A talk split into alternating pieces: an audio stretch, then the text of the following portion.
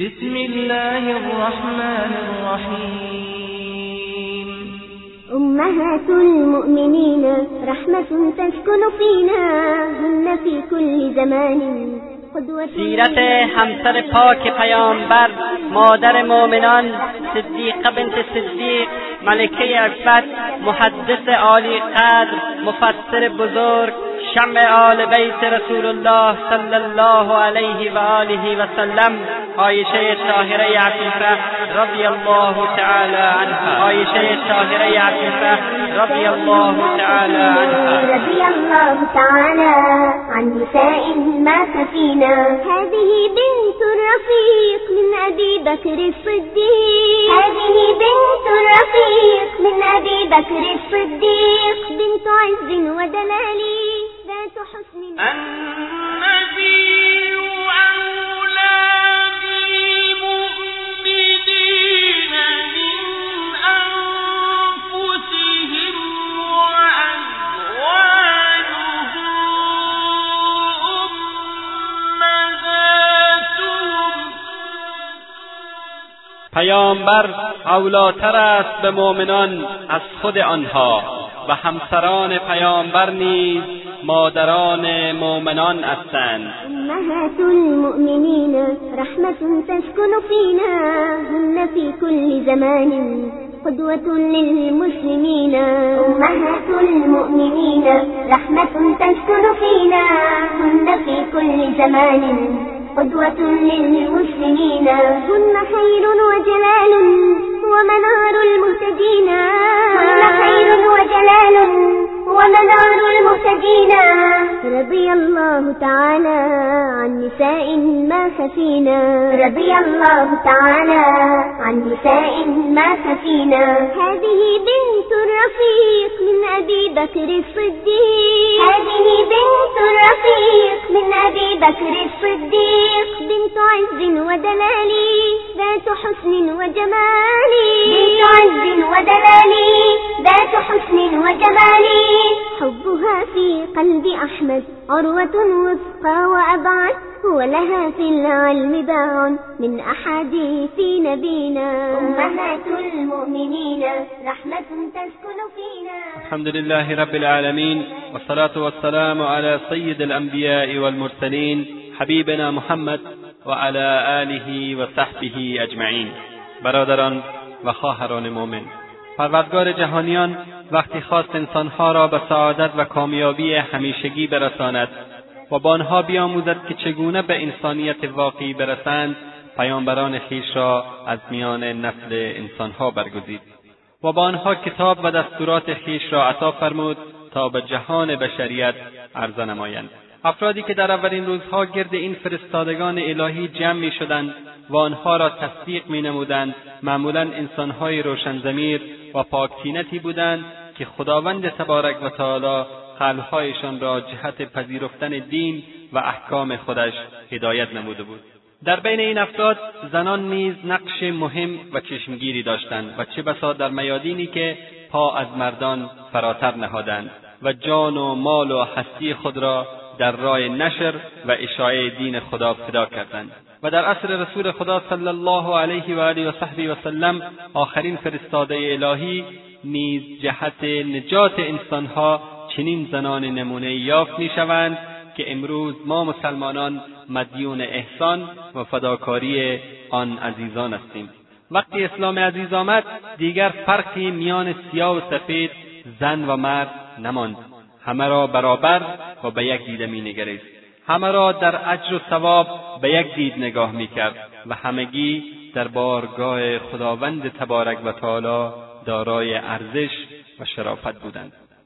اگر ما زندگانی رسول اکرم صلی الله علیه و آله و صحبه و سلم را بررسی نماییم و نحوه رسیدن دین اسلام به تمام جهان را مورد مطالعه قرار دهیم می‌بینیم که در کنار مجاهدین جان برکفی که گرداگرد رسول الله صلی الله علیه و آله و صحبه و سلم چون پروانه میچرخیدند زنان مجاهدی نیز حضور داشتند که در بعضی میدانها چون علم و تقوا از بسیاری مردان بالاتر رفتند و مراتب صعود و ترقی به بارگاه احدیت را بیشتر پیمودند. یکی از این بزرگزنان نمونه اسلام کسی که عالم اسلام به نام او افتخار می کند و محدثین و فقها نام مبارکش را زینت بخش کلامشان قرار دادند همسر گرانقدر رسول الله صلی الله علیه و آله و سلم محبوبه مصطفی صدیقه بنت صدیق پرورده صدیق اکبر رضی الله تعالی عنه مادر مؤمنان حضرت عایشه صدیقه رضی الله عنها می باشد. کسی که نیم قرن بعد از پیامبر صلی الله علیه و آله و سلم به نشر دین همت نمود. و با مجاهدت ها و ایثارگری آیش سبب شد تا علم حدیث و فقه و تفسیر جان گیرد و دین اسلام به صورت کامل و جامع از رسول الله صلی الله علیه و آله و صحبه و سلم به نسلهای بعدی برسد. حضرت ام المؤمنین عایشه صدیقه رضی الله تعالی عنها به خاطر حافظه قوی و استعداد فراوانش مفسری بزرگ فقیهی چیره و محدثی توانا و ادیبی متبحر و حتی پزشکی ماهر بود. اما آنچه باید اذان نمود این است که با تأسف فراوان باید قبول کرد که امروز جمع کثیری از مسلمانان با نام صفات اخلاق و مقام بزرگ علمی او آشنایی ندارند. این ظلم بزرگی است که فرزندان امت اسلامی با مادرشان بیگانه هستند و هیچ توجهی به اوصاف نیکویش نکردند و او را به عنوان اسوه و الگو در جامعه معرفی ننمودند و عده جاهل و نادان و شاگردان عبدالله ابن سبای یهودی به این شمع خاندان نبوت توهین کرده و ناسزا می‌گویند و اگر این انسانهای منافق و مسلمان نما از حقیقت قرآن و سیرت رسول اکرم صلی الله علیه و آله و صحبی و سلم آگاه می بودند هرگز این طور عمل نمی کردند. آیا امکان دارد کسی مسلمان باشد و مؤمن باشد و باز با ام المؤمنین عایشه صدیقه رضی الله تعالی عنها عداوت و دشمنی داشته باشد؟ هرگز چنین نیست. و اگر چنین فردی پیدا شد که خود را مسلمان بداند اما باز در مورد مادر مؤمنان عایشه صدیقه رضی الله تعالی عنها دچار شک و شبهه باشد و در دل نسبت به این شمع خاندان نبوت کینه و بغض بپروراند به جرأت می‌توان گفت که چنین شخصی نه شیعه است و نه سنی بلکه بدون تردید او یک کافر و گمراه زندیق است و بس. و اینک ما بران شدیم تا در این مختصر. اندکی در مورد زندگانی و شخصیت این بانوی بزرگوار اسلام سخن برانیم. باشد که گامی جهت تلاش و تکاپوی بیشتر در این میدان گردد. البته این نکته قابل ملاحظه است که ما کسی را بد و بیران نگفته و نمی‌گوییم و خدای ناکرده به هیچ مسلمانی از صدر اسلام تا حال کوچکترین اهانت و توهینی روان نمیداریم. چرا که معتقدیم آنها امتی بودند که گذشتند. حسابشان با خداست. در مورد اختلاف و مشکلات موجود بین آنها از ما سوال نمی شود. خداوند تبارک و تعالی در این باره میفرماید تلك امت قد خلت لها ما کسبت ولكم ما کسبتم ولا تسألون عما كانوا يعملون. این امتی است که گذشته است. دستاوردشان برای خودشان و دستاوردتان برای خودتان است و از آنچه میکردهاند بازخواست نخواهید شد. به همین جهت ما تمام آن افرادی که با رسول الله صلی الله علیه و آله و صحبی و سلم بودند و در کنار ایشان برای نشر دین حق جانفشانی کردند را با دیده محبت و احترام مینگریم و اهانت و توهین به آنها و یا هر فردی از تابعین آنها را حرام می‌دانیم.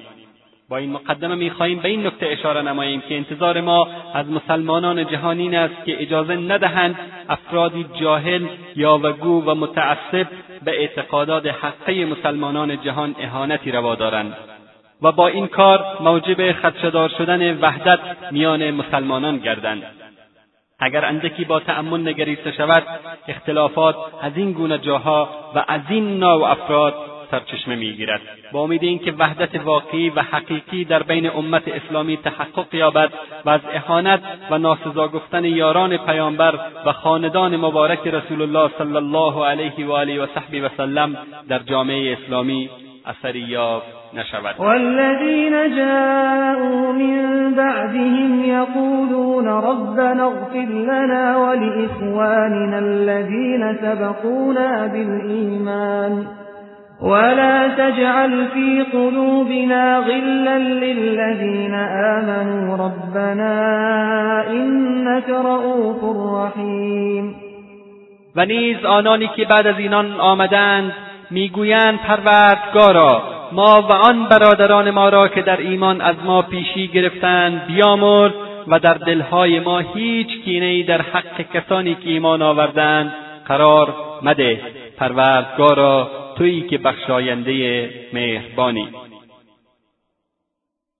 برادران و خواهران مؤمن و آلا از مادرم بگویم از عایشه صدیقه بگویم از توحید و اخلاصش بگویم از مهر و صفا و صداقت و عطوفت و رشادت مادر مهربانم از شجاعت و دلیری و سیاست آن نور چشمانم از زهد و تقوا و ورع مادر مهربانم.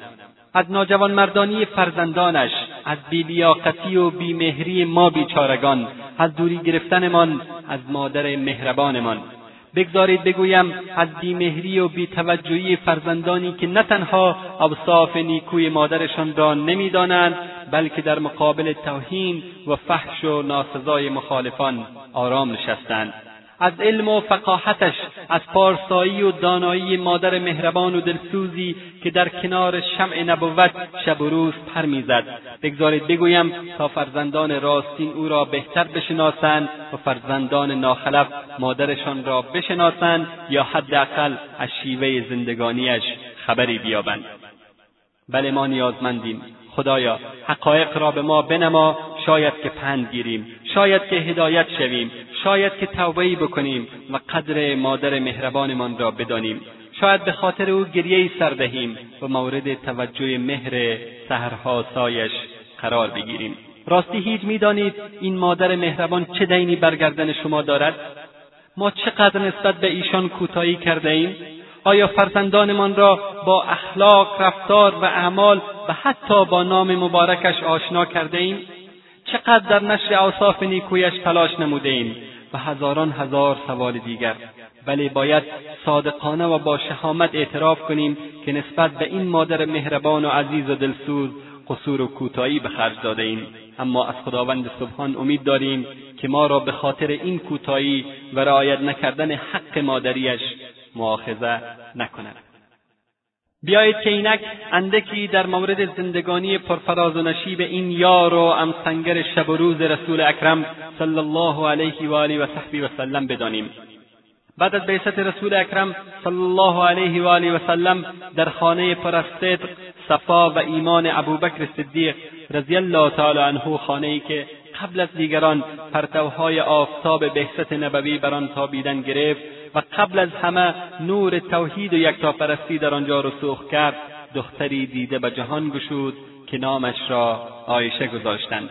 آری او قبل از اینکه به دنیا بیاید پدر و مادرش در جمع یاران و شیفتگان خدا و رسولش قرار گرفته بودند. و امین امر سبب شد که این طفل معصوم آلوده شرک و بتپرستی نگردد بلکه در همان لحظات تولد نور توحید در قلبش جای گیرد و در زیر آفتاب صداقت و ایمان بیریای ابوبکر و عمر عمان رضی الله تعالی عنهم رشد و نمو یابد. ابوبکری که در سفر و حضر شب و روز صبح و شام او را به عنوان یاور و همراه رسول اکرم صلی الله علیه و آله و سلم میشناختند. دختری که از پدری همچون ابوبکر که به شیخ صحابه و دوست و محبوب رسول خدا صلی الله علیه و آله و سلم رفیق دوران طفولیت و متخلق به اخلاق رسول صلی الله علیه و آله و صحبه و سلم و جزو اولین افرادی که به زیر چتر اسلام نایل شدن متصف است و مادری چون عمرمان که نمونه بارزی از یک زن وفادار شجاع و با تقواست که همه چیز را با نور بصیرت می‌بیند. در این خانه عایشه متولد شد. بیشک آینده بسیار درخشان و نورانی را در پیش خواهد داشت. هنگامی که رسول اکرم صلی الله علیه و آله و صحبه و سلم همسر وفادار و جانفدایش حضرت خدیجه کبرا رضی الله تعالی عنها را از دست داد غم اندوه بزرگی بر آن حضرت وارد آمد. چرا که حضرت خدیجه جزو اولین افرادی بود که به رسالت رسول الله صلی الله علیه و آله و صحبه و سلم ایمان آورد و وارد اسلام شد. و چه جان فدایایی که به خاطر رسول اکرم صلی الله علیه و آله و سلم از خود نشان نداد. تمامی این خصلتهای نیکوی حضرت خدیجه رضی الله تعالی عنها سبب محبت و علاقه زیاد بین او و رسول اکرم صلی الله علیه و آله و صحبه و سلم شده بود. و همین علت دوری و فراق چنین امسر مهربان دلسوزی برای رسول اکرم صلی الله علیه و آله و سلم بسیار تلخ و دردناک بود. در همین سال مشکلات دیگری نیز بر رسول اکرم صلی الله علیه و آله و سلم وارد آمد. به همین جهت این سال را عام الحزن یعنی سال غم نامیدند. یاران و اصحاب گرانقدر رسول اکرم صلی الله علیه و آله و سلم که دوست نداشتند حتی یک لحظه محبوب خویش را در ناراحتی و غم و اندوه مشاهده نمایند سعی می‌کردند هر طوری شده در مورد ازدواج با فرد دیگری به رسول اکرم صلی الله علیه و آله و سلم پیشنهاد بدهند. اما هیچ کس جرأت این کار را نداشت. بالاخره این سکوت تلخ و این درد جانکا با دخالت و ورود حضرت خوله بنت حکیم به این میدان شکسته شد.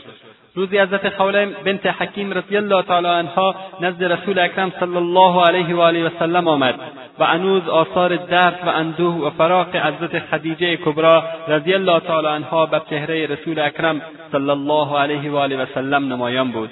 خوله پس از گفتگوی کوتاه گفت یا رسول الله آیا نمی‌خواهید ازدواج کنید؟ رسول اکرم صلی الله علیه و آله و سلم فرمودند با چه کسی؟ حضرت خوله جواب داد آیشه دختر ابوبکر و یا سوده بنت زمعه. رسول اکرم صلی الله علیه و آله و سلم فرمودند برو با آنها صحبت کن. وقتی خوله ماجرا را برای مرومان تعریف می کند و او نیز برای ابوبکر صدیق ابوبکر می‌خواهد از خوشحالی پرواز کند. شادی و سرور وصف ناپذیری خانه حضرت ابوبکر رضی الله تعالی عنه را فرا می‌گیرد. بالاخره رسول اکرم صلی الله علیه و آله و سلم رسما از حضرت صدیقه بنت صدیق عایشه رضی الله تعالی عنها خواستگاری می‌کنند. در این وقت حضرت عایشه رضی الله عنها شش سال بیشتر ندارند. خودش میفرماید من به قدری کوچک بودم که اصلا نفهمیدم به عقد رسول الله صلی الله علیه و آله و صحبی و سلم درآمدم و تا آن وقت با هم سن سالانم در کوچه مشغول بازی بودم.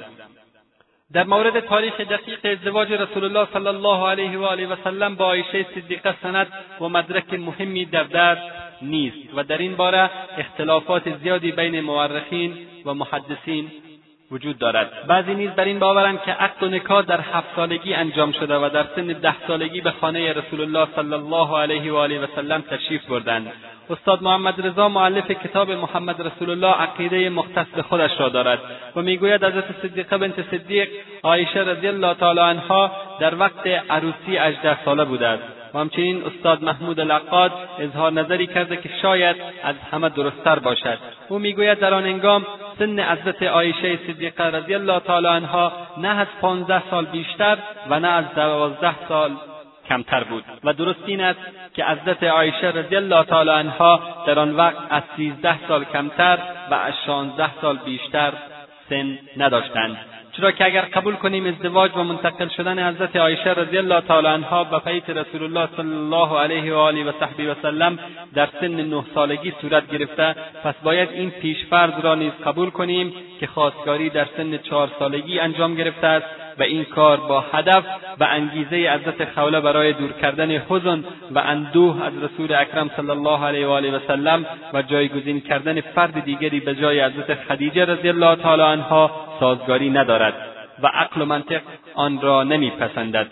چرا که ازدواج با دختر چهار سالهای که هنوز استعداد زناشویی را ندارد و از رابطه مرد و زن کاملا بی اطلاع است خالی از حکمت است و تلاش و کوشش حضرت خوله برای خواستگاری از دختر کوچکی با امید اینکه در آینده بزرگ شود و همچنان به انتظار نشستن رسول الله صلی الله علیه و آله و صحبی و سلم برای چندین سال با آن همه غم و اندوه کار عبس و بیعودهای به نظر می‌رسد. در هر صورت می‌دانیم که حضرت خدیجه رضی الله تعالی عنها در سال دهم بعثت وفات یافته است. و این فاصله زمانی یعنی از وفات خدیجه رضی الله تعالی عنها تا ازدواج با عایشه صدیقه رضی الله تعالی عنها پنج سال بوده است. بنابراین سن حضرت عایشه رضی الله تعالی عنها در وقت ازدواج بین سیزده تا شانزده سال بوده است. این پیوند و ازدواج از جانب خداوند تبارک و تعالی تعیین شده بود. به همین جهت تمام اسباب آن فراهم شد. خود پیامبر صلی الله علیه و آله و سلم میفرماید حضرت جبرئیل صورت و شکل حضرت عایشه رضی الله تعالی عنها را در پارچه ای از حریر سبز رنگ با خود آورد و گفت این همسر تو در دنیا و آخرت است. بنابراین فرموده رسول الله صلی الله علیه و آله و سلم و احادیث دیگری از آن حضرت معلوم می شود که انجام این پیوند و ازدواج از بالای آسمانها فیصله شده بود. و اکنون از بوستان صداقت و گلستان نبوت. بعد از هجرت رسول الله صلی الله علیه و آله و سلم به مدینه منوره و بعد از غزوه بدر کبرا مقدمات انتقال حضرت عایشه رضی الله تعالی عنها از بوستان صداقت و گلستان نبوت آماده شد. حضرت صدیقه بنت صدیق عایشه رضی الله تعالی عنها در خانه به دنیا آمد که در صدق و ایمان مثل عام و خاص بود. خانهای که سراسر نور و صفا و صداقت بود. حضرت عایشه رضی الله تعالی عنها نیز از این صفات برخوردار شده بود. و الان می‌رفت که از این نورکده به نورکده بزرگتر قویتر و وسیعتر راه یابد. حضرت عایشه رضی الله تعالی عنها همواره مورد توجه پدر مهربان و مادر دلسوزش بود. حضرت عایشه کم سن سال در خانه رسول اکرم صلی الله علیه و آله و سلم چه خواهد کرد؟ چه چیزی می‌تواند جبران محبتهای پدر و مادرش را بنماید؟ چه چیز می‌تواند سبب شود که حضرت عایشه رضی الله تعالی عنها در خانه رسول اکرم صلی الله علیه و آله و صحبی و سلم بماند و به او عشق بورزد؟ آری رسول الله صلی الله علیه و آله و سلم حکیمی بزرگ و معلمی با تجربه بود. ایشان می‌دانستند که با عایشه رضی الله تعالی عنها چگونه رفتار کنند. آن حضرت صلی الله علیه و آله و سلم از محبت پدر و مادر نسبت به او اطلاع داشتند به همین خاطر محبت و برخوردهای حکیمانه ایشان سبب شد تا حضرت عایشه رضی الله تعالی عنها یک اتاق ساده و بیل آلایش را بر تمام جهان ترجیح دهد. حضرت عایشه رضی الله تعالی عنها نه تنها در خانه جدید احساس غریبی و دلتنگی نمی‌کرد بلکه شور و شوق و عشق و محبت و صفا و صمیمیت او را پوشانده بود و حاضر نبود یک دیدار رسول اکرم صلی الله علیه و آله و صحبی و سلم را به تمام دنیا بفروشد. اگر انسان در این دنیای فانی و پرفتنه و فساد ارتباطش را با خالق کائنات محکم نماید و به او محبت ورزد آن وقت است که تمام سختی های دنیا برایش آسان شده و تلخی ها شیرین میگردد. حضرت عایشه رضی الله تعالی عنها نیز به اتاقی که چسبیده و مسجد نبوی بود رفت تا در آنجا در کنار بزرگترین معلم اخلاق و ایمان و بزرگمرد نبوت نور و معرفت کسب نماید. حضرت صدیقه بنت صدیق عایشه رضی الله تعالی عنها اتاقی معقر و ساده را بر تمام عالم ترجیح داد. همان اتاقی که دور تا دورش را ملائکه احاطه کرده بود. محبت و محل نزول وحی و حضور جبرئیل امین علیه السلام بود. این اتاق کوچک معوا و پناهگاه و مرکز مراجعه بزرگترین علما و اندیشمندان گردید و مهمتر از همه نصف علم آنجا بود و می‌رفت تا از آنجا به عالم منتشر گردد. تمام این اوصاف باعث شد تا فقر فاقه تشنگی و تلخیهای ظاهر دنیوی بر حضرت صدیقه بنت صدیق عایشه رضی الله تعالی عنها و همچنین بر اهل بیت رسول اکرم صلی الله علیه و آله و سلم آسان گردد و هیچ کس کوچکترین احساس حقارت ضعف و سستی ننماید. آری روزها و هفتهها سپری می‌شد اما از روشن کردن آتش در خانه رسول اکرم صلی الله علیه و آله و سلم برای درست کردن غذا خبری نبود. بسیاری از شبها و روزها را با آب و خرما میگذراندند. اما خوشبخت سعادتمند و مسرور بودند. چرا که با الله جل جلاله ارتباط داشتند و رضوان الهی را بر همه چیز ترجیح می‌دادند. این سختیها و تلخیها از فضل و احسان حضرت عایشه رضی الله تعالی عنها نکاست بلکه او همواره در سخا زهد و تقوا و علاقه به کسب رضای خداوند تبارک و تعالی ید طولانی داشت. حضرت عایشه صدیقه رضی الله تعالی عنها با قلبی مملو از ایمان و شعوری آمیخته با حکمت اسلام به زندگانی زناشویی خود روی آورد. او یک شخصیت بینظیر و یک همسر نمونه بود که شوهر خود را به تمام معنا شناخته و حقوق او را با کمال اخلاص و صداقت مراعات مینمود. و به خاطر عشق پاکی که به او داشت هر کاری را که موجب خوشحالی و مسرت رسول اکرم صلی الله علیه و آله و سلم می‌شد آن را با طیب الخاطر انجام می‌داد. او به سبب عشق و علاقه شدیدی که به رسول اکرم صلی الله علیه و آله و سلم در دلش موج می‌زد پیوسته در صدد بود که دردها و رنجها و سختیهایی که بر رسول اکرم صلی الله علیه و آله و سلم وارد میآمدند حتی المقدور کاهش دهد و در مقابله با مشکلات او را یاری و کمک نماید. او زحمات پیامبر صلی الله علیه و آله و سلم را در راه تبلیغ و رساندن رسالتش به خوبی درک می‌کرد.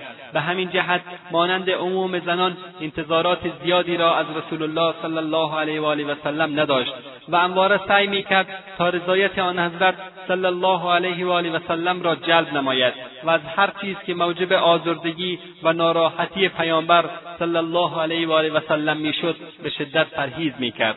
حضرت صدیقه بنت صدیق عایشه رضی الله تعالی عنها به دلیل برخوردهای حکیمانه و دلسوزانه پیامبر صلی الله علیه و آله و سلم با ایشان و همچنین درک و شناخت عظمت و منزلت رسول اکرم صلی الله علیه و آله و سلم عاشق و شیدای پیامبر صلی الله علیه و آله و سلم شده بود. رسول اکرم نیز به او توجه خاصی داشتند. تنها زنی بود از میان زنانش که در دوران دوشیزگی با او ازدواج کرده بود.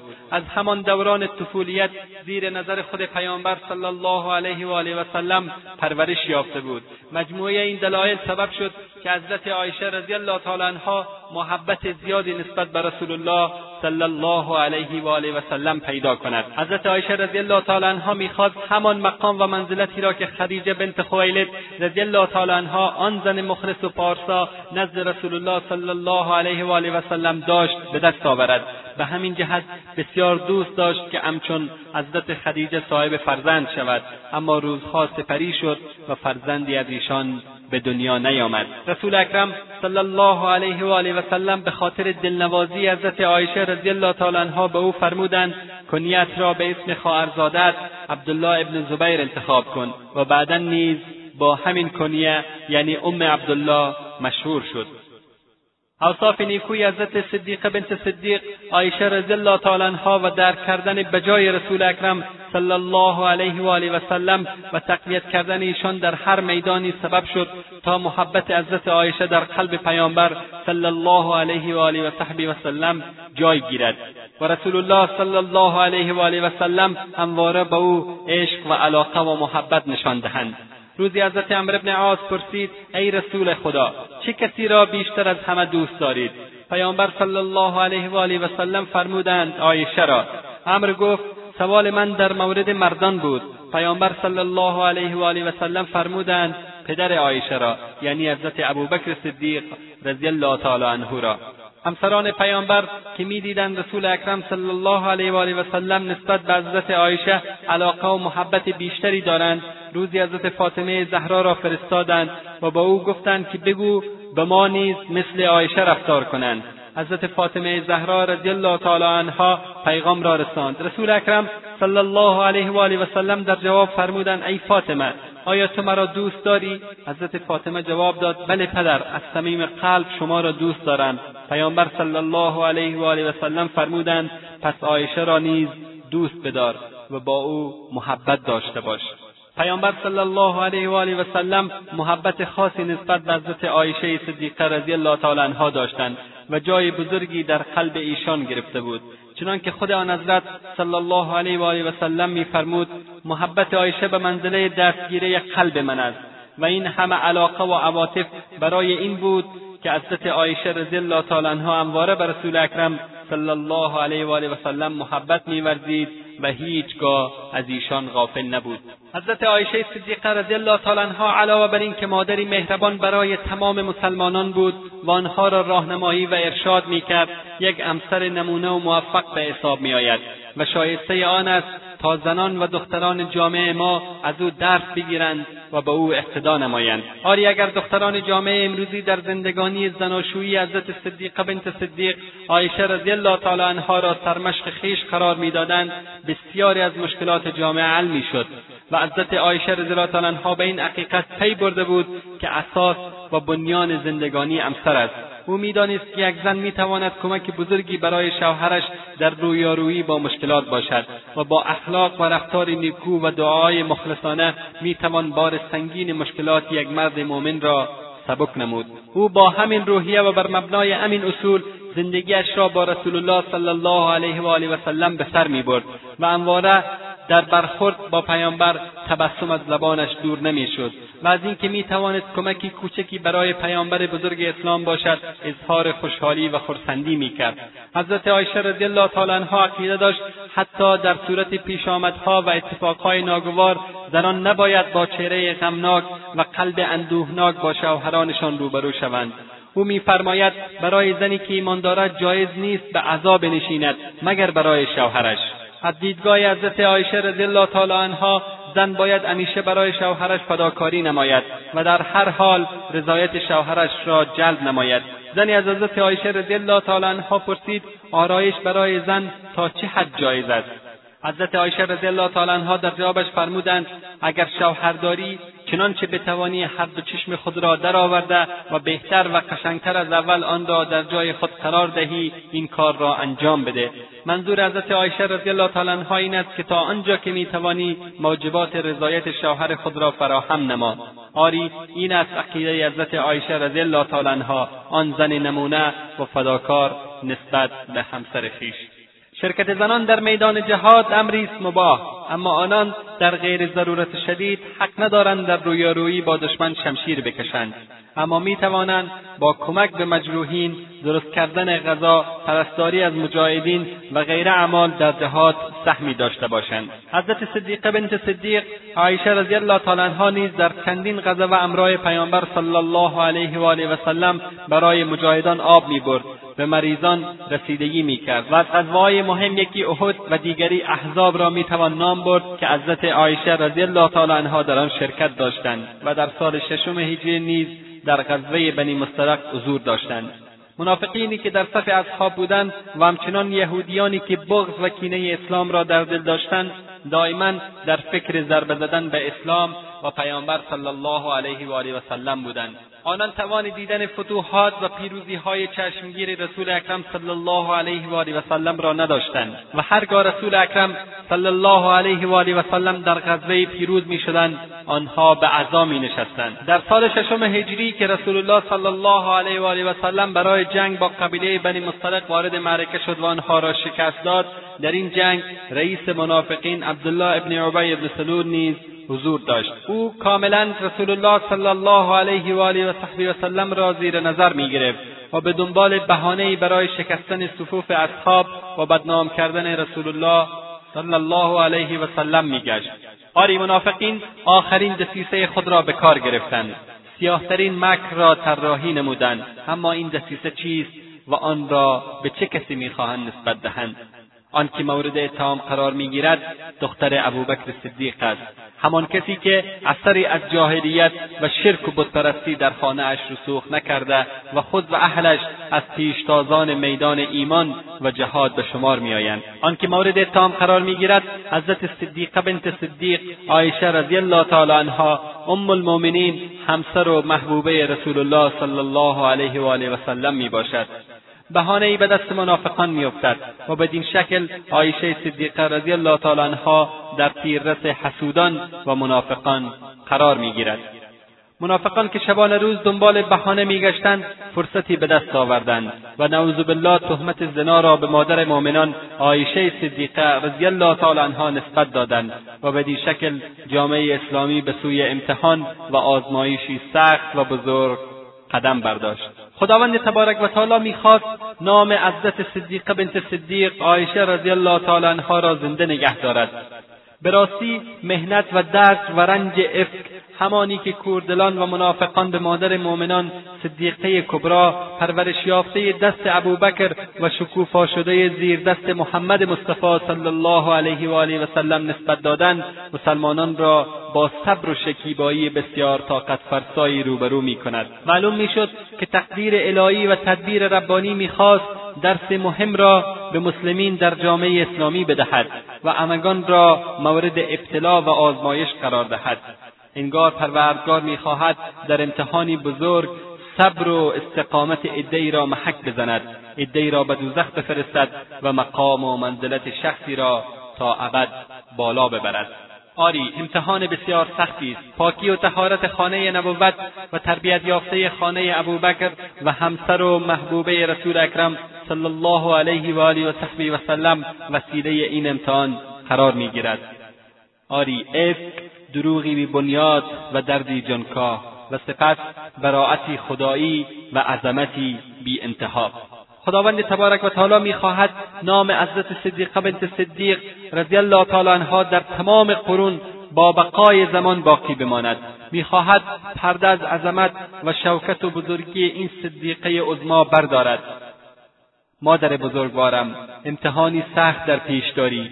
مشکل و مصیبت جانفرسا و جگرسوز در انتظار توست. خدا پشت و پناهت باد. بشنویم از زبان خودش از این ادیب بزرگ که چقدر با بلاغت و فساحت و زیبایی داستان را برای ما به تصویر می‌کشد. چنانکه در کتب حدیث از زبان خود صدیقه رضی الله تعالی عنها روایت شده است.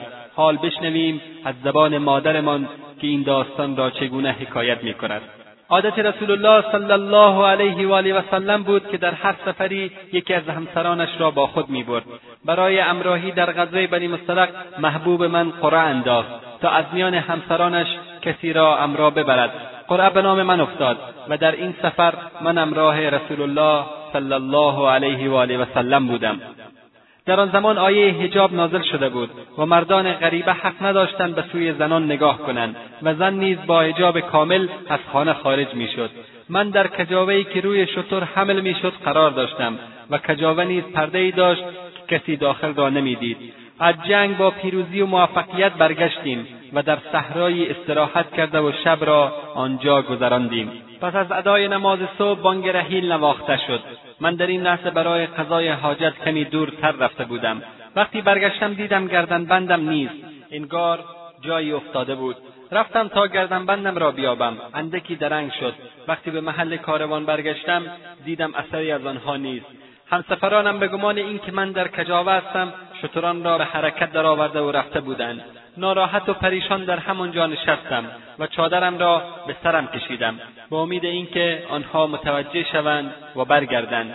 دیری نگذشت تا اینکه مردی که مأمور بود با فاصله قافله را زیر نظر داشته باشد صفان ابن معطل رضی الله تعالی عنه یکی از یاران پیامبر صلی الله علیه و آله و سلم رسید. چون قبل از نزول آیه حجاب مرا دیده بود به محض دیدن مرا شناخت و شنیدم که گفت انا لله و انا الیه راجعون. همسر رسول خدا صلی الله علیه و آله و سلم اینجا چه کار می‌کند من با او هیچ صحبتی نکردم. شتر را نزدیکم آورد و گفت سوار شو و خودش حقب رفت.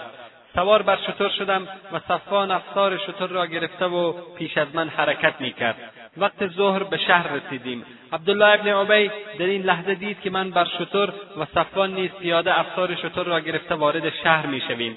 این لحظه بود که شیطان در دلها رخنه کرد و اهل افک آنچه نباید می‌گفتند گفتند. من از همه چیز بیخبر اما از اینکه از قافله جدا مانده بودم بسیار ناراحت شدم. این ناراحتی را نزد رسول اکرم صلی الله علیه و آله و سلم اظهار نمودم. متوجه شدم که اعتنایی نمی کند. انگار محبتش کم شده است. پدر و مادرم نیز همین طور بودند. تعجب کردم. چه رخ داده است؟ آری در این وقت تبلیغات سوء منافقین تمام شهر را فرا گرفته بود و من از همه چیز بیخبر بودم. اما می‌دیدم که محبوبم به من کم لطفی می کند با خود گفتم در گذشته اگر شکایتی نزد رسول الله صلی الله علیه و آله و سلم می بردم با مرحمت و لطف و محبت گوش می کرد و انوار دلداریم می‌داد. اما الان چه شده است؟ بسیار نگران بودم. غم و اندوه بر من چیره شده بود. نکند نازنینم از من رنجیده باشد اما خبر نداشتم بیرون خانه چه چیزها که در مورد من گفته نمی شود بر اثر این بیمحبتی ها مریض شدم. روزی رسول اکرم صلی الله علیه و آله و سلم به خانه آمد. اتفاقا مادرم نیز در کنارم نشسته بود. وقتی مرا در حالت غم و اندوه و پژمردگی دید فرمود دخترتان چطور است؟ کلمه سرد و خالی از محبت و بیگانه با احساسات و رفتار گذشته. با شنیدن این نوع اول پرسی و با دیدن این برخورد رسول الله صلی الله علیه و آله و سلم حزن و اندوه و کسالتم تمام وجودم را گرفت و جهان پیش چشمم تیره گشت. گفتم یا رسول الله مریض و افسرده هستم. اجازه بدهید مدتی را نزد مادرم بروم. فرمودند برو اشکالی ندارد. رفتم در حالی که از همه چیز بیخبر بودم. این بیمهری و بیمحبتی نزدیک به بیست تا اندی شب به درازا کشید تا اینکه شبی با دختر خاله پدرم برای قضای حاجت بیرون رفتیم. در حال رفتن بودیم که پای او لغزید و افتاد و بی اختیار فرزندش مسطح را نفرین کرد. تعجب کردم. گفتم صحابی رسول الله صلی الله علیه و سلم را نفرین می‌کنی؟ کسی که در جنگ بدر شرکت کرده و از جمله مهاجرین به شمار میآید؟ اما مصدق گفت ای سادلو مگر خبر نداری در مورد تو چه می‌گویند؟ گفتم از چه چیز؟ و آن وقت بود که تمام ماجرا را برایم تعریف کرد. باورم نشد. گفتم راست می‌گویی؟ گفت به خدا سوگند که همینطور شایع است. نمی‌دانستم چه کار کنم چه بگویم و با کی بگویم. غم اول را فراموش کردم. دیوانه و حیران شدم. حالی بسیار سخت بر من تاری شد. خود را به عجله به خانه رساندم و زار زار گریستم. قلبم می‌خواست منفجر شود. جگرم پاره می‌شد. یقه مادرم را گرفتم و گفتم چند روزی است که در مورد من این سخنان گفته می شود و شما چیزی به من نگفته اید چرا نگفتید؟ آری این حادثه همچون تیر قلب ام المؤمنین عایشه صدیقه رضی الله تعالی عنها را زخمی کرد و خانواده نبوت و بیت ابوبکر رضی الله تعالی عنه را در غم و اندوهی وصل نشدنی فرو برد. یک ماه طول کشید. یک ماه طولانی به اندازه قرنهای ظلم و جور و استبداد به طول روزهای سخت قیامت و به درازی روزهای سخت زندان جائران فرعون صفت. زمانی تاریک به تاریکی تاریک دلان کوردل و منافق و بیوجدان و سنگ دل و باز مادر مهربان و دلسوز این گونه داستان خود را ادامه می‌دهد. تب و عجیبی مرا گرفت. مادرم چندین لحاف رویم انداخت باز هم میلرزیدم. صدای گریم تمام خانه را در بر گرفته بود. پدر مهربانم در اتاق دیگری مشغول تلاوت بود. با شنیدن صدای گریم از مادرم پرسید چه خبر است. مادرم جواب داد که عایشه است. چون پدرم از اطلاع من از ماجرا آگاه شد او نیز شروع به گریه کرد.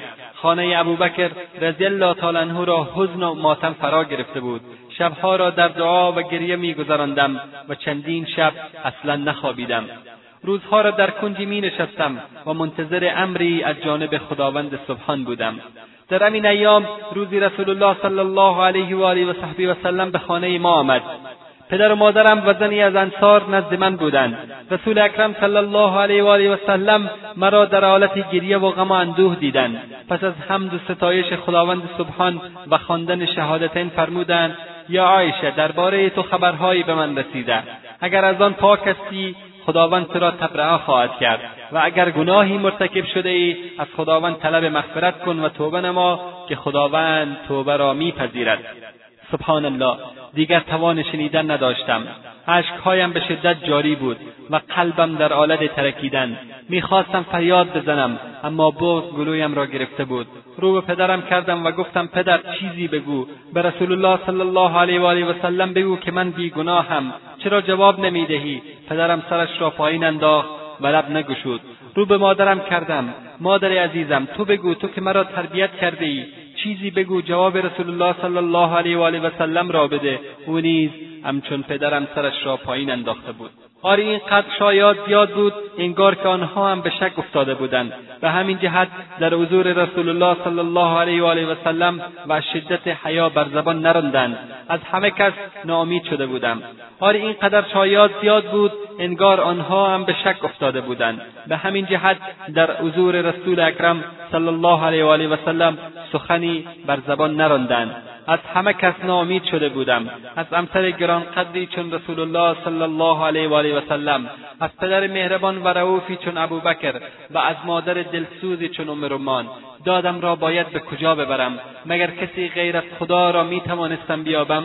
کسی که بر تمام ماجرا اطلاع کامل داشت دیگر هیچ پناهگاهی به جز خداوند تبارک و تعالی نداشتم.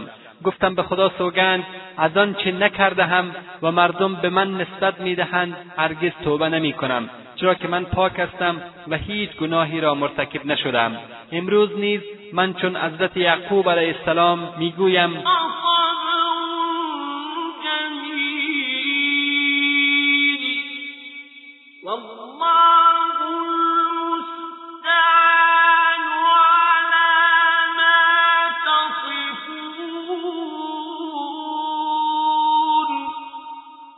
آنچه که در این میان می‌توان بدان توجه داشت صبر و استقامت حضرت عایشه رضی الله تعالی عنها بود. امتحانی سخت بزرگ و تهمتی بس عظیم و تلخ و دردناک. روزهای بسیار طولانی و پردرد و رنج اما صبری جمیل و استقامتی چون مؤمنان. حضرت عایشه رضی الله تعالی عنها در این میدان مصداق آیه قرآن کریم قرار می‌گیرد که خداوند تبارک و تعالی میفرماید ان الله مع الصابرین. و حقیقت که الله با او بود و او را تنها نگذاشت. ثمره این صبر زیبا این بود که خداوند فرمود آنچه در مورد حضرت عایشه رضی الله تعالی عنها گفته شد همگی خیر و نیکی بود نه شر و بدی. به خاطر همین حادثه عظیم از شأن حضرت عایشه رضی الله تعالی عنها نکاست بلکه شأن و منزلتش بالاتر رفت و درجاتش عالیتر گردید. هر کس به الله توکل کند او برایش کافی است. غم و اندوه هر لحظه بر مادر مؤمنان بیشتر و بیشتر می‌شد. این دختر معصوم از پدر و مادرش نیز ناامید میگردد. دیگر کسی را ندارد که به او رجوع کند بلکه حرفش را باور کنند. اما نه آنکه از همه داناتر و آگاهتر به ماجرا وجود دارد. و او که همه چیز را می‌داند و اوست که فرموده است و من یتوکل علی الله فهو حسبه. پس عایشه صدیقه همه چیز را به او سپرد و فقط به آسمان چشم دوخته بود تا براعتش نازل گردد. آری وقت آن رسیده بود که غم و اندوه حزن و ماتم از خانه ابوبکر رضی الله تعالی عنه و خانه مصطفی صلی الله علیه و آله وسلم رخت بربندد. وقت آن رسید تا مؤمنان واقعی دوباره شاد گردند و منافقان کوردل به غم بنشینند. ادامه داستان را باز از زبان خود عایشه صدیقه رضی الله تعالی عنها میشنویم. بعد از آن گوشه ای رفتم و در بسترم دراز کشیدم. یقین داشتم که خداوند تبارک و تعالی مرا تبرئه می کند البته خود را لایق این نمی‌دیدم که در حق من و در پاکی من وحی نازل شود. اما امید داشتم که پاکی و بیگناهی من در خواب و یا رویا برای رسول الله صلی الله علیه و آله و سلم آشکار گردد. هنوز رسول الله صلی الله علیه وسلم از جایش بر نخواسته بود که ناگاه چهره مبارک خیس عرق شد و جبین زیبایش منور گردید. فهمیدم که این حالت نزول وحی است. بیش از یک ماه بود که خبری از نزول وحی نبود. پدرم با اضطراب و پریشانی گاهی به سوی من نگاه می‌کرد و گاهی به سوی رسول اکرم صلی الله علیه و آله وسلم وقتی رسول الله صلی الله علیه و آله وسلم را نگاه می‌کرد بسیار ناراحت می‌شد که چه خواهد شد. و وقتی مرا نگاه می‌کرد که با سکون و اطمینان نشستم امیدی در دلش میدرخشید و بیشتر امیدوار می‌شد. در این لحظات حساس تمام اهل خانه جز من در خوف و ترس عجیبی به سر میبردند.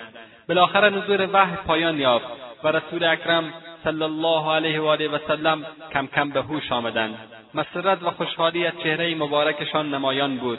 با خوشحالی عرقهای خیش را با دست مبارک پاک کردند و اولین کلماتی که فرمودند این بود باد بر تو ای عایشه که خداوند براعت تو را نازل فرمود. شادی و سرور در خانه موج می‌زد. شکر خدای را به جای آوردم. آنکه ذکر مرا در قرآن عظیم و شن جای داد و در شعن من وحی نازل فرمود. حضرت صدیقه بنت صدیق رضی الله تعالی عنها می‌گوید وقتی رسول الله صلی الله علیه و آله و سلم آیات نازله را تلاوت فرمود و اظهار رضایت و خرسندی از من کرد مادرم فرمود بلند شو ای عایشه برو پیش رسول الله صلی الله علیه و آله و سلم. منظورش این بود که از رسول الله صلی الله علیه و آله و سلم تشکر کنم. جواب دادم به خدا سوگند از احدی جز او که پاکی مرا از بالای هفت آسمان نازل کرد تشکر و سپاسگزاری نمی کنم. آری این سخن حضرت صدیقه بنت صدیق رضی الله تعالی عنها امرا با محبت رسول الله صلی الله علیه و آله و سلم در قلبش بود. اما به خاطر ناز عفیفانه و مؤمنانهاش این کلمات را بر زبان میآورد. قلب مؤمنان شاد شد. پشت خمیده حضرت صفوان ابن معطل رضی الله تعالی عنه راست شد و شادی به خاندان نبوت و صدیقیت بازگشت. با نزول آیات آشکار و محکم ابتدای سوره نور دل رنجور مصطفی صلی الله علیه و آله و سلم شاد شد. و چهره پژمرده و غمگین مادر مؤمنان حضرت صدیقه بنت صدیق رضی الله تعالی عنها همچون خورشیدی منور و شادان گشت. و پشت خمیده صفان ابن معطل راست شد. و پوز منافقان کوردل بیمروت به خاک رسوایی و ندامت کشیده شد.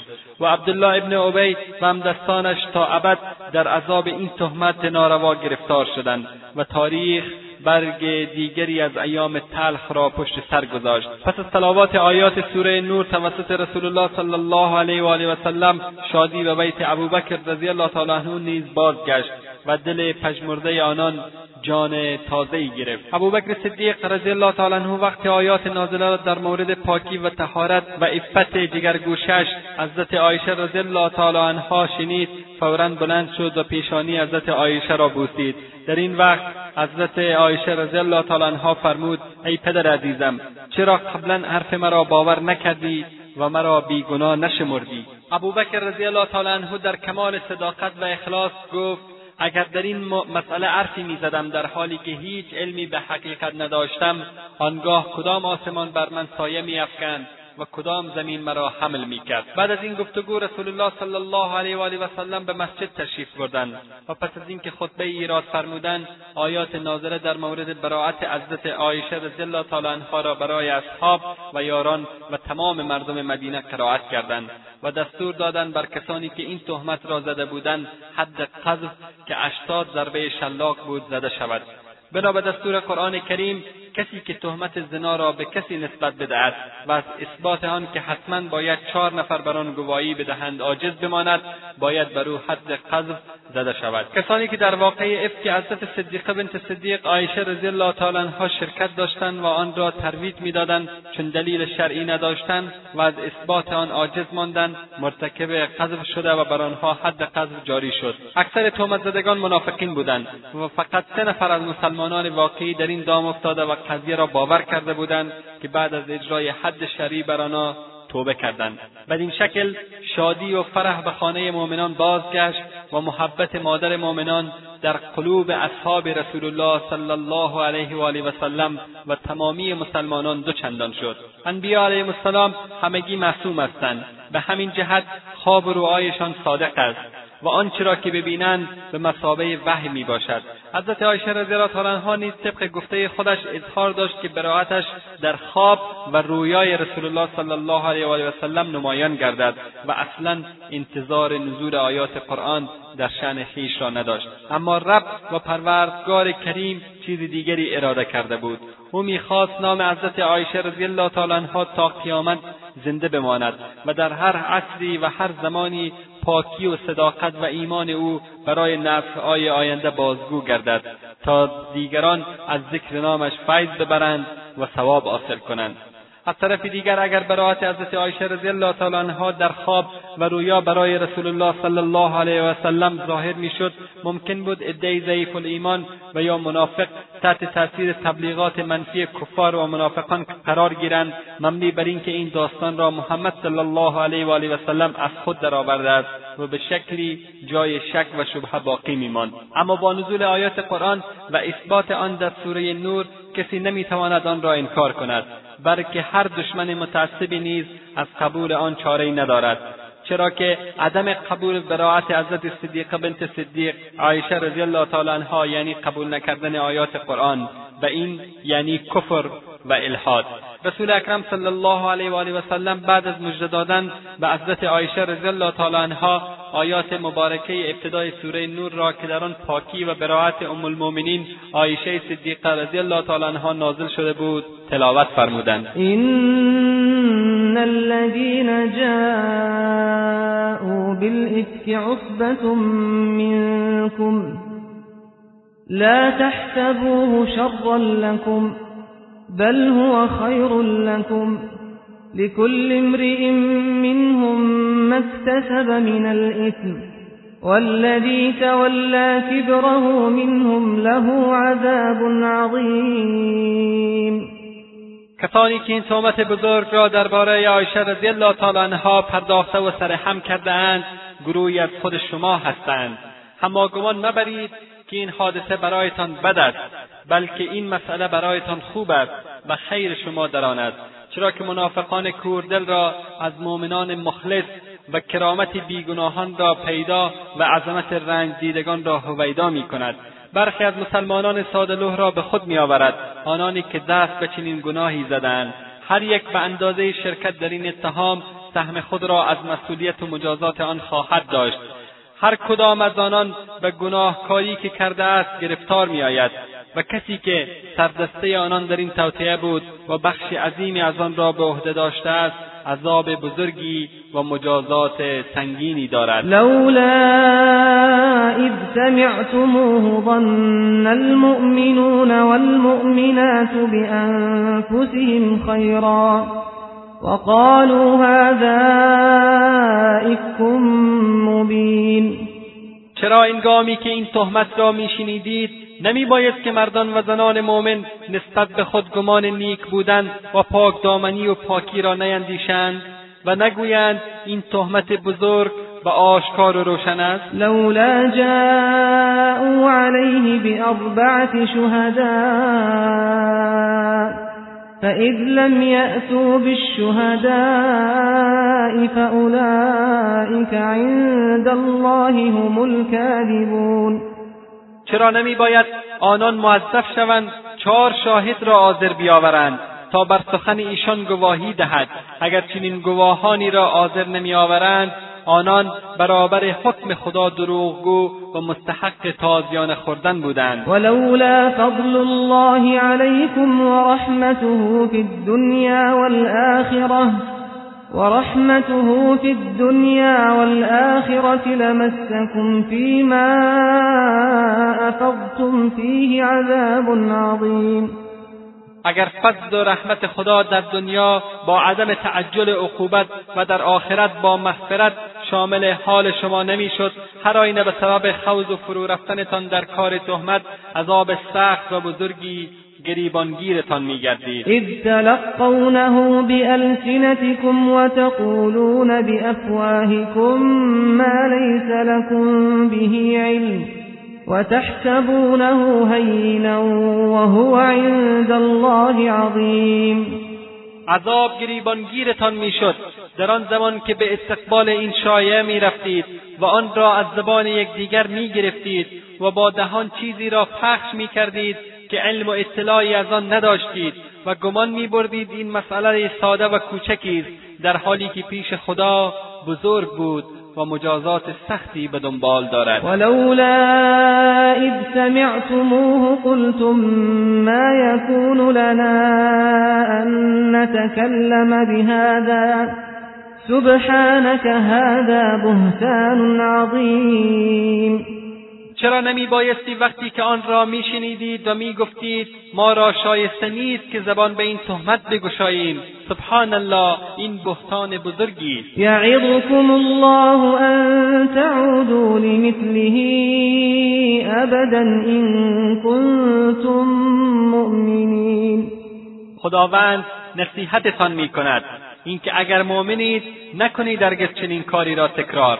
و خویشتن را آلوده چنین مصیبتی نسازید چرا که ایمان راستین با تهمت و دروغ سر سازگاری ندارد. و یبین الله لكم الآیات.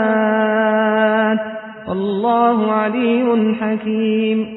خداوند آیات و احکام واضح و روشن خود را برای شما بیان می‌دارد و خداوند بس آگاه است از نیازهای شما و عوامل بدی و خوبی زندگیتان با خبر است و حکیم است و به مقتضای حکمتش احکام و قوانین را برایتان آشکار می کند این الذین یحبون ان تشیع الفاحشة فی الذین آمنوا لهم عذاب علیم لهم عذاب علیم فی الدنیا والآخرة.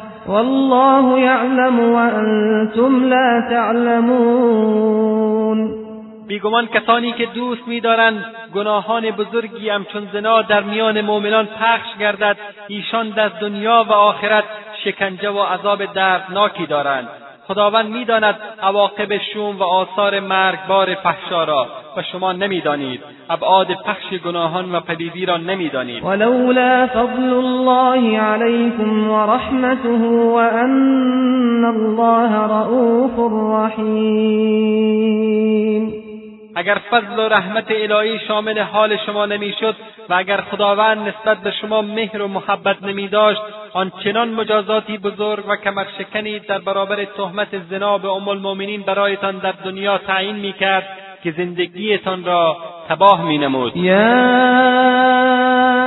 ایها الذين آمنوا لا تتبعوا خطوات الشيطان ومن يتبع خطوات الشيطان فإنه يأمر بالفحشاء والمنكر ولولا فضل الله عليكم ورحمته ما زكى منكم من أحد أبدا ولكن الله يزكي من يشاء والله سميع عليم ای مؤمنان گام به گام شیطان راه نروید و به دنبال او راه نیفتید چرا که شیطان تنها به فحشا و زشتیها فرا می‌خواند و فرمان میراند. اگر فضل و مرحمت الهی شامل حال شما نمی‌شد هرگز فردی از شما از کسافت گناه با آب توبه پاک نمیگردید. ولی خداوند هر که را بخواهد از کسافت سیعات با توفیق در حسنات و با پذیرش توبه از او پاک میگرداند. و خداوند شنوای هر سخنی و آگاه از هر عملی است. ولا یأتل اولو الفضل منكم والسعة ان یؤتوا اولی القربى والمساکین والمهاجرین في سبیل الله وليعفوا وليصفحوا ألا تحبون أن يغفر الله لكم والله غفور رحیم کسانی که از شما اهل فضیلت و فراخی نعمتند نباید سوگند بخورند اینکه بذل و بخشش خود را از نزدیکان و مستمندان مهاجرین در راه خدا بازگیرند به علت اینکه در ماجرای افک دست داشتند و به آن دامن زدند. باید عفو کنند و گذشت نمایند. مگر دوست نمیدارید خداوند شما را بیامرزد؟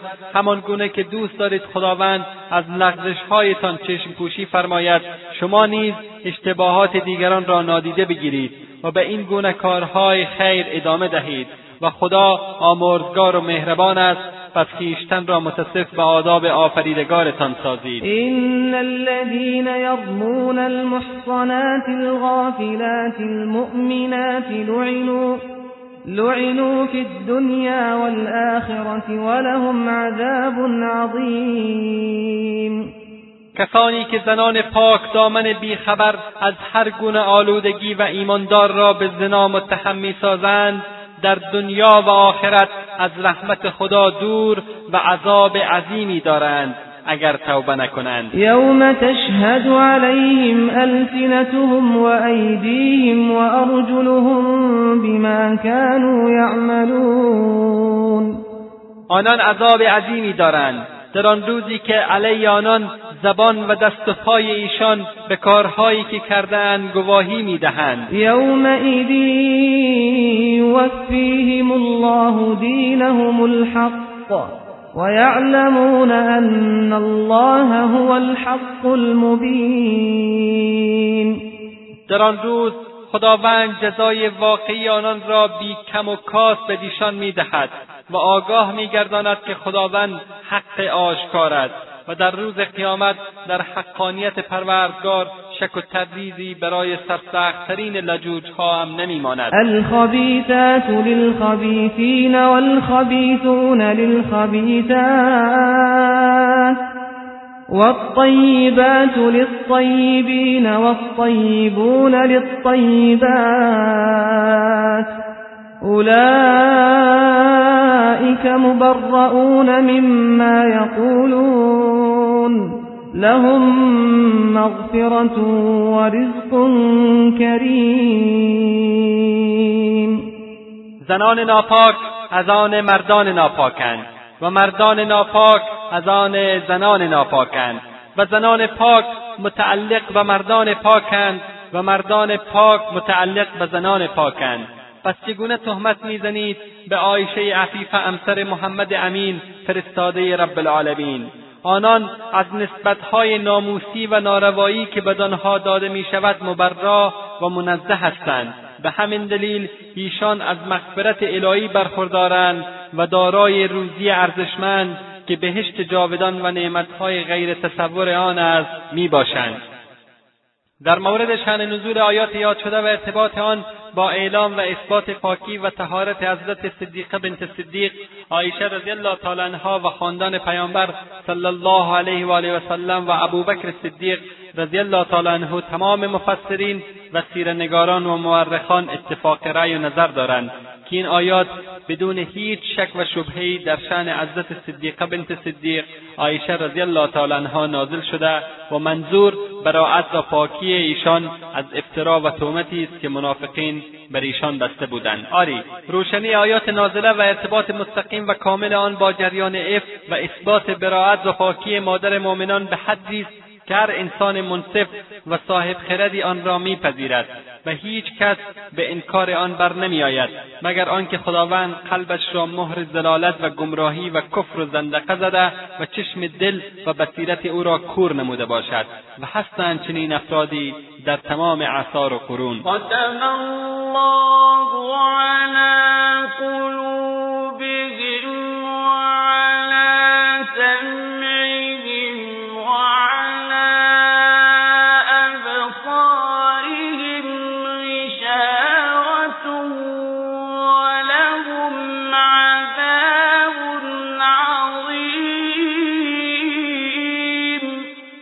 خداوند مهر نهاده بر قلبهای آنها و بر شنوایی آنها و چشم بصیرت آنها را پرده زلالت و گمراهی پوشانیده است و برای آنها عذابی بزرگ است. قضیه افک در جامعه اسلامی آن روز بازتاب گستردهای داشت و اثرات ناگواری نیز بر جای گذاشت. بحث در این مورد به سرعت در مدینه منوره پیچید.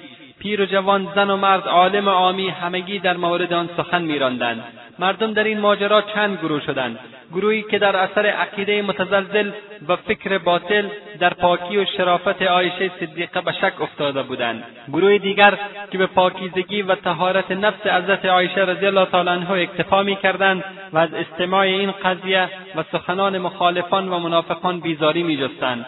و آنچه به گوش میشنیدند با اشک چشم بیرون می‌کردند. ولا حول ولا قوت الا بالله می‌گفتند. فرقه دیگر به مقام دفاع برآمده و تهمت و افترای سیهدلان را رد می‌کردند که از آن جمله جماعت اوس و تعدادی از اصحاب رسول اکرم صلی الله علیه و آله و صحبی سلم بودند. عقیده به گناهکار بودن حضرت صدیقه بنت صدیق عایشه رضی الله تعالی عنها اهانت به ساحت پاک رسول الله صلی الله علیه و آله و سلم می‌باشد.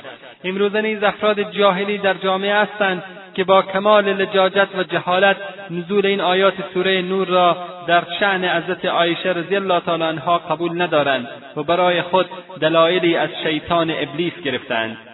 اینجا سوالی مطرح می شود آیا مخالفان با عالم بودن و خبیر بودن خداوند متعال ایمان دارند؟ آیا به رسالت محمد مصطفی صلی الله علیه و آله و سلم نیز اعتقاد دارند؟ حال چگونه ممکن است؟ نعوذ بالله نعوذ بالله زنی ناپاک و فاحشه به حق رسول اکرم صلی الله علیه و آله و سلم درآید. مگر خداوند متعال علم نداشت که این زن در آینده چنین گناهی انجام می‌دهد؟ پس چرا اجازه داد رسولش با او ازدواج کند؟ در حالی که رسول الله صلی الله علیه و آله و سلم تحت هیچ فشار اجباری نبودند. خداوند متعال فرموده است والطيبات للطيبين والطيبون للطيبات زنان پاک لایق مردان پاک هستند و مردان پاک سزاوار زنان پاک هستند. حضرت عمر فاروق رضی الله تعالی عنه به انگام این حادثه به رسول الله صلی الله علیه و آله و سلم فرمود ای رسول خدا چه کسی عایشه را برای ازدواج با شما انتخاب کرده است؟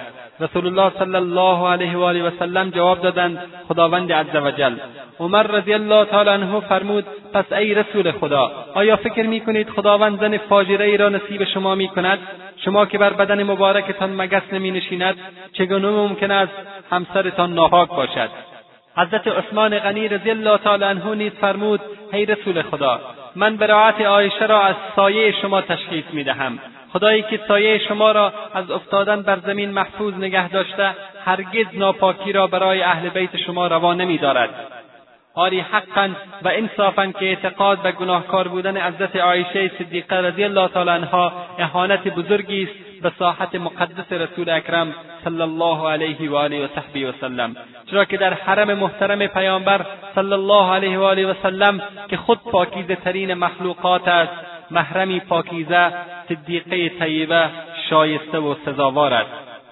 و توهین به مادر گناهی نابخشودنی است که خداوند تبارک و تعالی میفرماید. النبی اولا بالمؤمنین من انفسهم وازواجه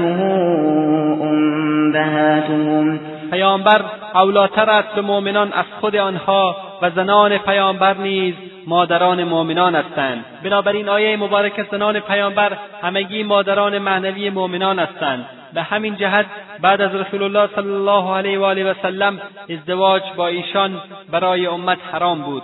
حال اندکی تأمل نماییم. آیا هیچ فرد عاقلی به مادر خیش تهمت می‌زند؟ اگر کسی به گناهکار بودن مادر مؤمنان معتقد باشد آیا می‌توان او را مؤمن نامید؟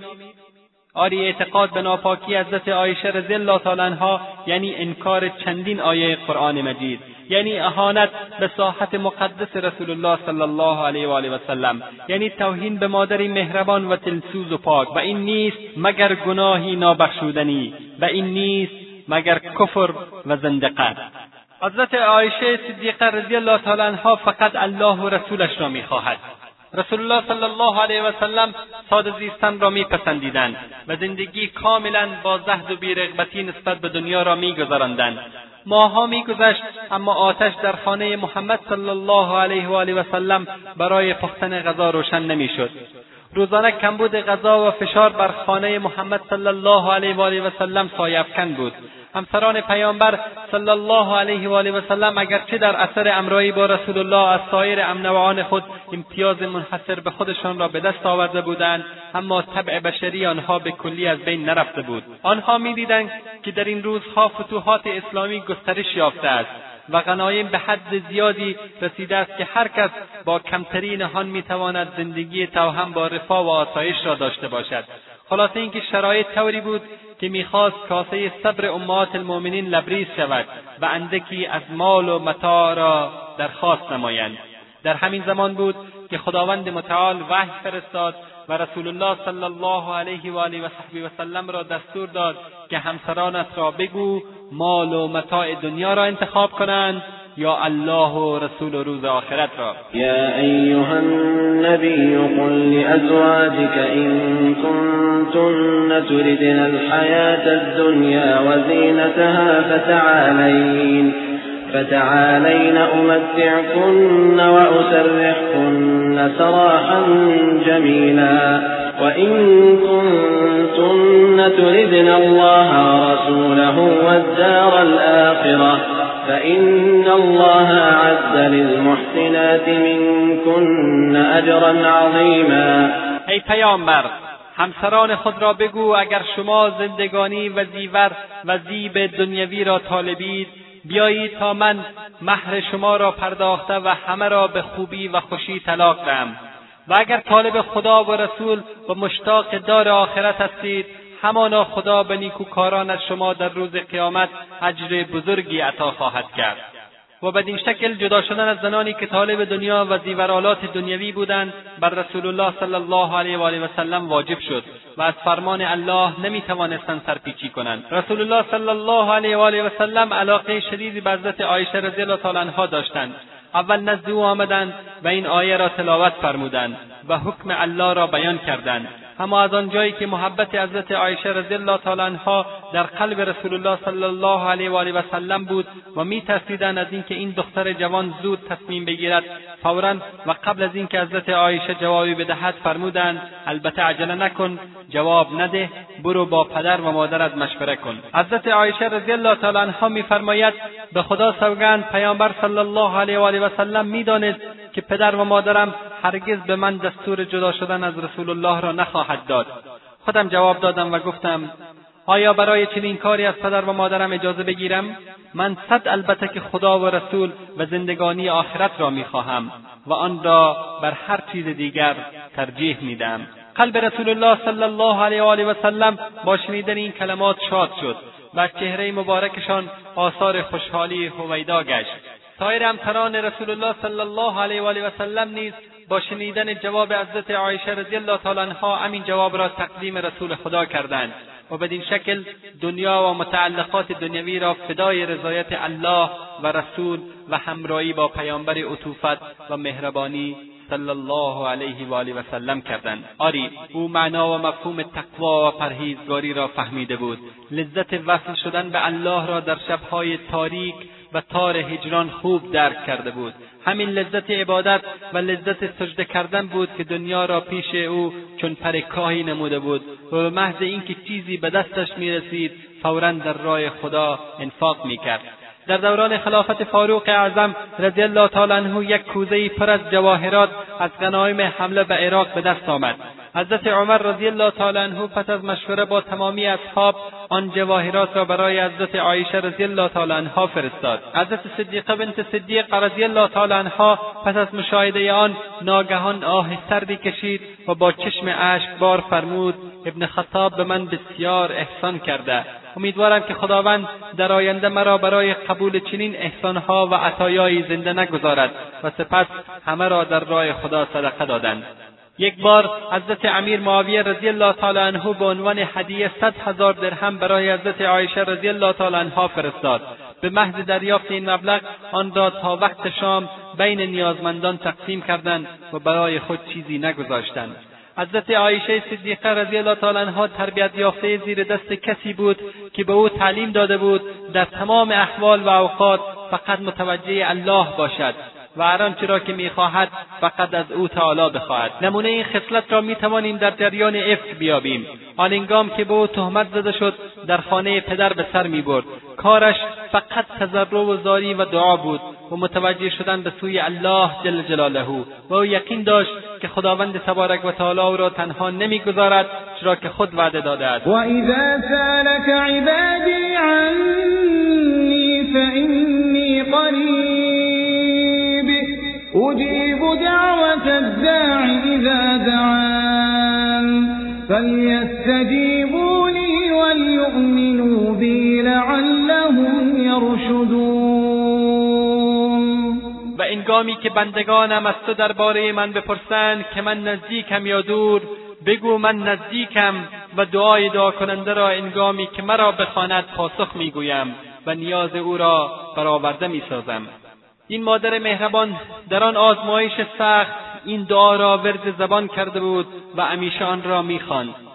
ای صاحب نعمتهای فراوان ای دافع عذابها و بلایا ای رهاننده مردم از غمها و تاریکیها ای کسی که در حکم داوری عاجلتری ای حساب کننده کسی که ظلم می کند و ای سرپرست مظلوم ای اول بی آغاز و ای آغاز بدون پایان. خدایا در کارم گشایشی روشن برایم قرار بده. حضرت صدیقه بنت صدیق عایشه رضی الله تعالی عنها از نماز خواندن بسیار لذت می‌برد. چرا که نمازش نماز واقعی بود. شبها در کنار رسول الله صلی الله علیه و آله و سلم به نماز میایستاد و خشوع و خضوع و دعا را از او درس گرفته بود و هیچگاه اجازه نمی‌داد نماز تهجدش فوت شود. همراه رسول اکرم صلی الله علیه و آله و سلم نماز تراوی را هم به جا میآورد و با آن علاقه خاصی داشت. رمضان را نیز با محبوب خود به اعتکاف مینشست و از این عبادتها لذت می‌برد. خودش میفرماید اگر پدرم از قبر بلند شود و جلو مرا بگیرد از عبادت دست نخواهم کشید. حضرت عایشه رضی الله عنها دارای ذکاوت استثنایی بود. این تیزهوشی و ذکاوت با همراهی و مصاحبت رسول الله صلی الله علیه و آله و صحبی و سلم جمع شده بود و این امر سبب شد که حضرت صدیقه بنت صدیق رضی الله تعالی عنها به عالمی توانا مبدل گردد تا جایی که رسول اکرم صلی الله علیه و آله و سلم فرمودند نصف دین را از این حمیرا یعنی عایشه رضی الله تعالی عنها یاد بگیرید. در زمان رسول الله صلی الله علیه و آله و سلم نیز زنان به او مراجعه می‌کردند. اما پس از رحلت رسول اکرم صلی الله علیه و سلم حضرت صدیقه بنت صدیق عایشه رضی الله تعالی عنها مرجع زن و مرد پیر و جوان عالم و عامی گشت. همگی برای پاسخ گرفتن سوالات خویش به محضر او می‌رفتند. بزرگان صحابه رضی الله عنهم اجمعین نیز در مسائل فقهی اگر دچار مشکل می‌شدند به ایشان رجوع می‌کردند. ابو موسی اشعری رضی الله تعالی عنه میفرماید هیچ مشکلی برای ما پیش نمیآمد که از عایشه رضی الله تعالی عنها سوال کنیم مگر اینکه جوابی نزد او در مورد آن مشکل مییافتیم. امام زهری رحمت الله علیه که یکی از بزرگان تابعین است میفرماید حضرت عایشه رضی الله تعالی عنها دانشمندترین دوران بود و حتی بزرگان صحابه از ایشان کسب فیض مینمودند. احادیث و روایات زیادی در مورد مقام علمی حضرت عایشه رضی الله تعالی عنها وجود دارد که ما به همین دو مورد اکتفا مینماییم. و همین کافی است برای مقام علمی ایشان که در زمان خلفای ثلاثه فتوا صادر می‌کردند و با آنها عمل می‌شد. حضرت صدیقه بنت صدیق عایشه رضی الله تعالی عنها احادیث فراوانی را روایت کردند و همچنین گفتارهای نقضی از ایشان به جای مانده که هر کدام سندی از توان ادبی بالای ایشان به شمار میآید. بیانات او به سبب تاثیر عجیبی که داشت فورا در دلها قرار می‌گرفت و مدعیان بلاغت و بیان در برابرش عاجز بودند. حاضر جواب و زیرک و شیرین گفتار بود. نطق و بیان فسیح و دلنشین و طبعی زنده داشت. سخنانش را در نهایت رسایی و بلاغت ادا می‌کرد. حتی بسیاری از مؤلفین از اسلوب و شیوه او تبعیت می‌کردند. آری او از خانه بلاغت متولد شده بود و در خانه بلاغت نیز رشد کرده بود. حضرت صدیقه بنت صدیق رضی الله تعالی عنها با وجود اینکه مدت زمان طولانی با رسول اکرم صلی الله علیه و آله و سلم زندگی نکرد اما بسیاری از مسائل فقهی حدیث شعر و غیره را از رسول اکرم صلی الله علیه و آله و سلم آموخت. حضرت صدیقه بنت صدیق رضی الله تعالی عنها به صداقت در علم امانت در روایت و آگاهی به دقایق و رموزات عبادات مشهور بود. او دارای حافظه قوی بود و به همین سبب مرجع بزرگ و مطمئنی در علم حدیث و فقه به شمار میآید. هر حدیثی را که از رسول اکرم صلی الله علیه و آله و سلم میشنید حفظ می‌کرد و بدون هیچ نقصی آن را برای اصحاب بازگو میفرمود. مجموعا دو هزار و دوصد و ده حدیث از احادیث گوهربار رسول الله صلی الله علیه و آله و سلم از طریق ایشان روایت شده که صد و هفتاد و چهار حدیث را شیخین یعنی امام بخاری و امام مسلم در کتابشان نقل کردند. پنجاه و چهار حدیث فقط در بخاری آمده و شصت و حدیث فقط در مسلم ثبت شده است. حضرت صدیقه بنت صدیق عایشه رضی الله تعالی عنها جزو هفت نفری هستند که بیشتر از یک هزار حدیث را از پیامبر صلی الله علیه و آله و سلم نقل کردند. خداوند متعال در طول حیات حضرت صدیقه بنت صدیق عایشه رضی الله تعالی عنها این مادر مهربان و دلسوز افتخارات و امتیازات زیادی را نصیب کرد که فرد دیگری آن را به دست نیاورده بود. در اینجا مختصرا و اجمالا به چند نمونه اشاره می‌کنیم. مگر می‌توان از این افتخاری بالاتر برای حضرت عایشه رضی الله تعالی عنها ذکر کرد که او در دنیا و آخرت همسر رسول الله صلی الله علیه و آله و سلم می باشد و بر این گفته احادیث صحیح مهر صحت نهاده است. پس همین که او در هر دو جهان همسر رسول اکرم صلی الله علیه و آله و سلم می باشد و در کنار پیامبر بزرگ اسلام به سر می‌برد بزرگترین افتخار است برای این مادر عزیزمان. امتیاز دیگر حضرت صدیقه بنت صدیق رضی الله تعالی عنها این است که براعتش از بالای هفت آسمان نازل شد و تا قیامت مسلمانان آیات نازله در شن او در نماز و غیر نماز تلاوت می‌کنند و بدین صورت نامش برای همیشه زنده و جاودان میماند و در مقابل تلاوت هر حرف از این آیات ده ثواب به قاری می‌رسد. یکی دیگر از افتخارات و امتیازات حضرت صدیقه بنت صدیق رضی الله تعالی عنها این است که بر امت حق مادری دارد چرا که خداوند متعال فرموده است که زنان پیامبر مادران مؤمنین هستند. پس به عبارتی تمام مؤمنان فرزندان این محبوبه رسول اکرم صلی الله علیه و آله و سلم می‌باشند. با همه این اوصاف تمام همسران رسول الله صلی الله علیه و آله و سلم مادران مؤمنین هستند و احترامشان برای امت اسلامی واجب و لازم است. و از دیگر افتخارات حضرت عایشه رضی الله تعالی عنها این است که او نه تنها خود از اهل بهشت است بلکه پدر و مادرش نیز جزو بهشتیها هستند و همچنان تنها همسر باکره رسول اکرم صلی الله علیه و آله و سلم می باشد و از دیگر افتخارات صدیقه کبرا همیرای رسول الله صلی الله علیه و آله و سلم حضرت عایشه رضی الله تعالی عنها این است که حضرت جبرئیل همراه خود صورت و شکلی از وی را نزد رسول اکرم صلی الله علیه و آله و سلم آورده است. رسول الله صلی الله علیه و آله و سلم در حدیثی فرمودند ای عایشه دو بار جبرئیل نزد من آمد و چیزی به امرا داشت که در پارچه سبز رنگی پیچیده بود. وقتی پارچه را باز کردم دیدم شکل و صورت تو در آن پیچیده شده است. به من گفتند این همسر تو در دنیا و آخرت است. امتیاز دیگر حضرت عایشه رضی الله تعالی عنها این است که در خانه زندگی می‌کرد که فرشتگان آن را احاطه کرده بودند و بارها و بارها وحی در آنجا نازل شد در حالی که ایشان در کنار رسول الله صلی الله علیه و آله و سلم نشسته بودند. طبق فرموده حضرت عایشه رضی الله تعالی عنها یک بار نیز خود حضرت جبرئیل را در حال آوردن وحی ملاقات نموده است که به شکل یکی از اصحاب رسول اکرم صلی الله علیه و آله و سلم آمده بود. امتیاز بزرگ و مهم حضرت صدیقه بنت صدیق عایشه رضی الله تعالی عنها این است که او دختر یار و همراه شبانه روزی رسول الله صلی الله علیه و آله و سلم اولین جانشین بر حق رسول خدا یار غار در سفر هجرت و اولین شخصی که ملقب به صدیق گردیده می باشد آری او دختر امان ابوبکری است که زمانی از تاجران بزرگ مکه به شمار می آمد اما به خاطر دین خدا همه چیزش را فدا کرد. در غزوه تبوک رسول الله صلی الله علیه و آله و سلم وقتی او را دید که کولهباری برای کمک به مسلمانان آورده بود از او پرسید ای ابوبکر چه چیزی در خانه به جای گذاشتی؟ فرمود محبت خدا و رسولش را. او دختر همان مردی است که در غار پای مبارکش را در سوراخ مار گذاشت. تا آسیبی به رسول الله صلی الله علیه و آله و سلم نرسد.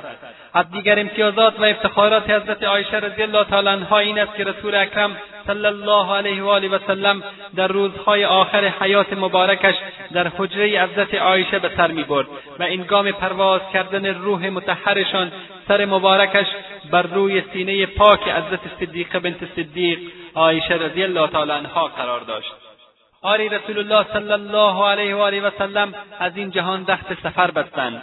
رسالتشان را به اتمام رساندند. اصحابی گران قدر تربیت نمودند و جامعه اسلامی را بنیان نهاده و توحید و یکتاپرستی را به اکناف عالم منتشر کردند. پس دیگر چیزی جز لقای الله برایش پسندیدهتر و زیباتر نبود. حضرت صدیقه بنت صدیق عایشه رضی الله تعالی عنها محبوبه رسول الله صلی الله علیه و آله و سلم وقتی پیامبر صلی الله علیه و آله و سلم را ودا گفت هجده سال بیشتر نداشت. با از دست دادن رسول الله صلی الله علیه و آله و سلم حضرت عایشه دل خویش را متوجه یار باوفای رسول الله همراه و امراض دوران جوانی و پیری یار غار ابوبکر صدیق رضی الله تعالی عنه نمود و با مشاهده او خود را تسلی میبخشید چرا که بوی رسول الله را می‌داد. به خاطر امراهی زیاد و رضایت کامل پیامبر صلی الله علیه و آله و سلم از ایشان خلق و خوی سیرت او را به خود گرفته بودند. اما انگار تقدیر چیز دیگری را در نظر دارد.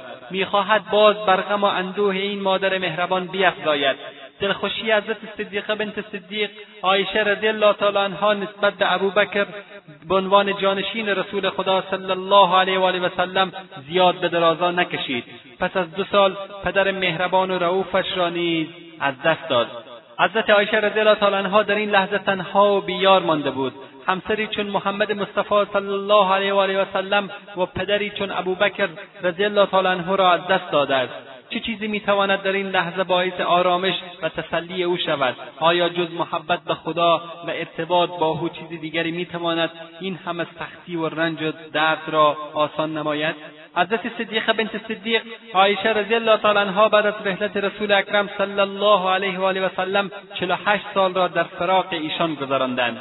در این مدت به نشر و پخش دین پرداخت و شبانه روز خویش را وقف خدمت به دین مقدس اسلام نمود.